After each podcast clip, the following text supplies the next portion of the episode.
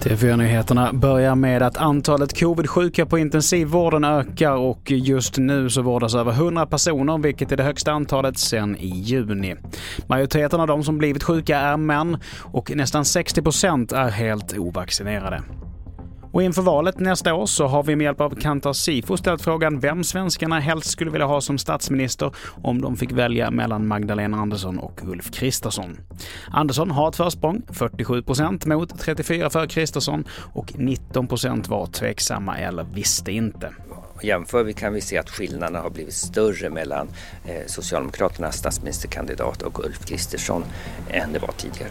Och här hörde vi Toivo Sjörén, VD för Kantar Sifo. Och just nu så härjar en brand på ett värmekraftverk utanför Umeå, det rapporterar TT.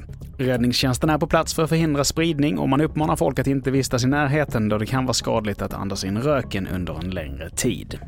Och vi fortsätter med att det blir ingen prövning i Högsta domstolen för de fyra dömda bakom pensionsbolaget Allra.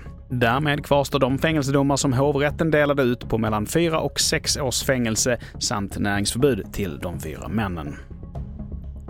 Och Yasin, som dömdes för att ha planerat kidnappningen av artisten Einar, har efter överklagan till hovrätten beslutat att släppas från häktet.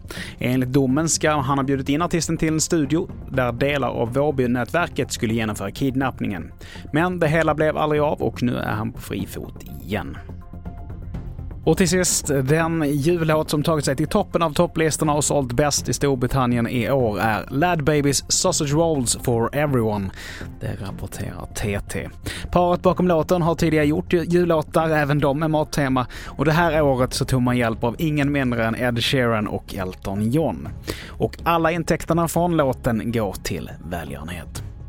Fler nyheter hittar du på tv4.se. Jag heter Mattias Nordgren.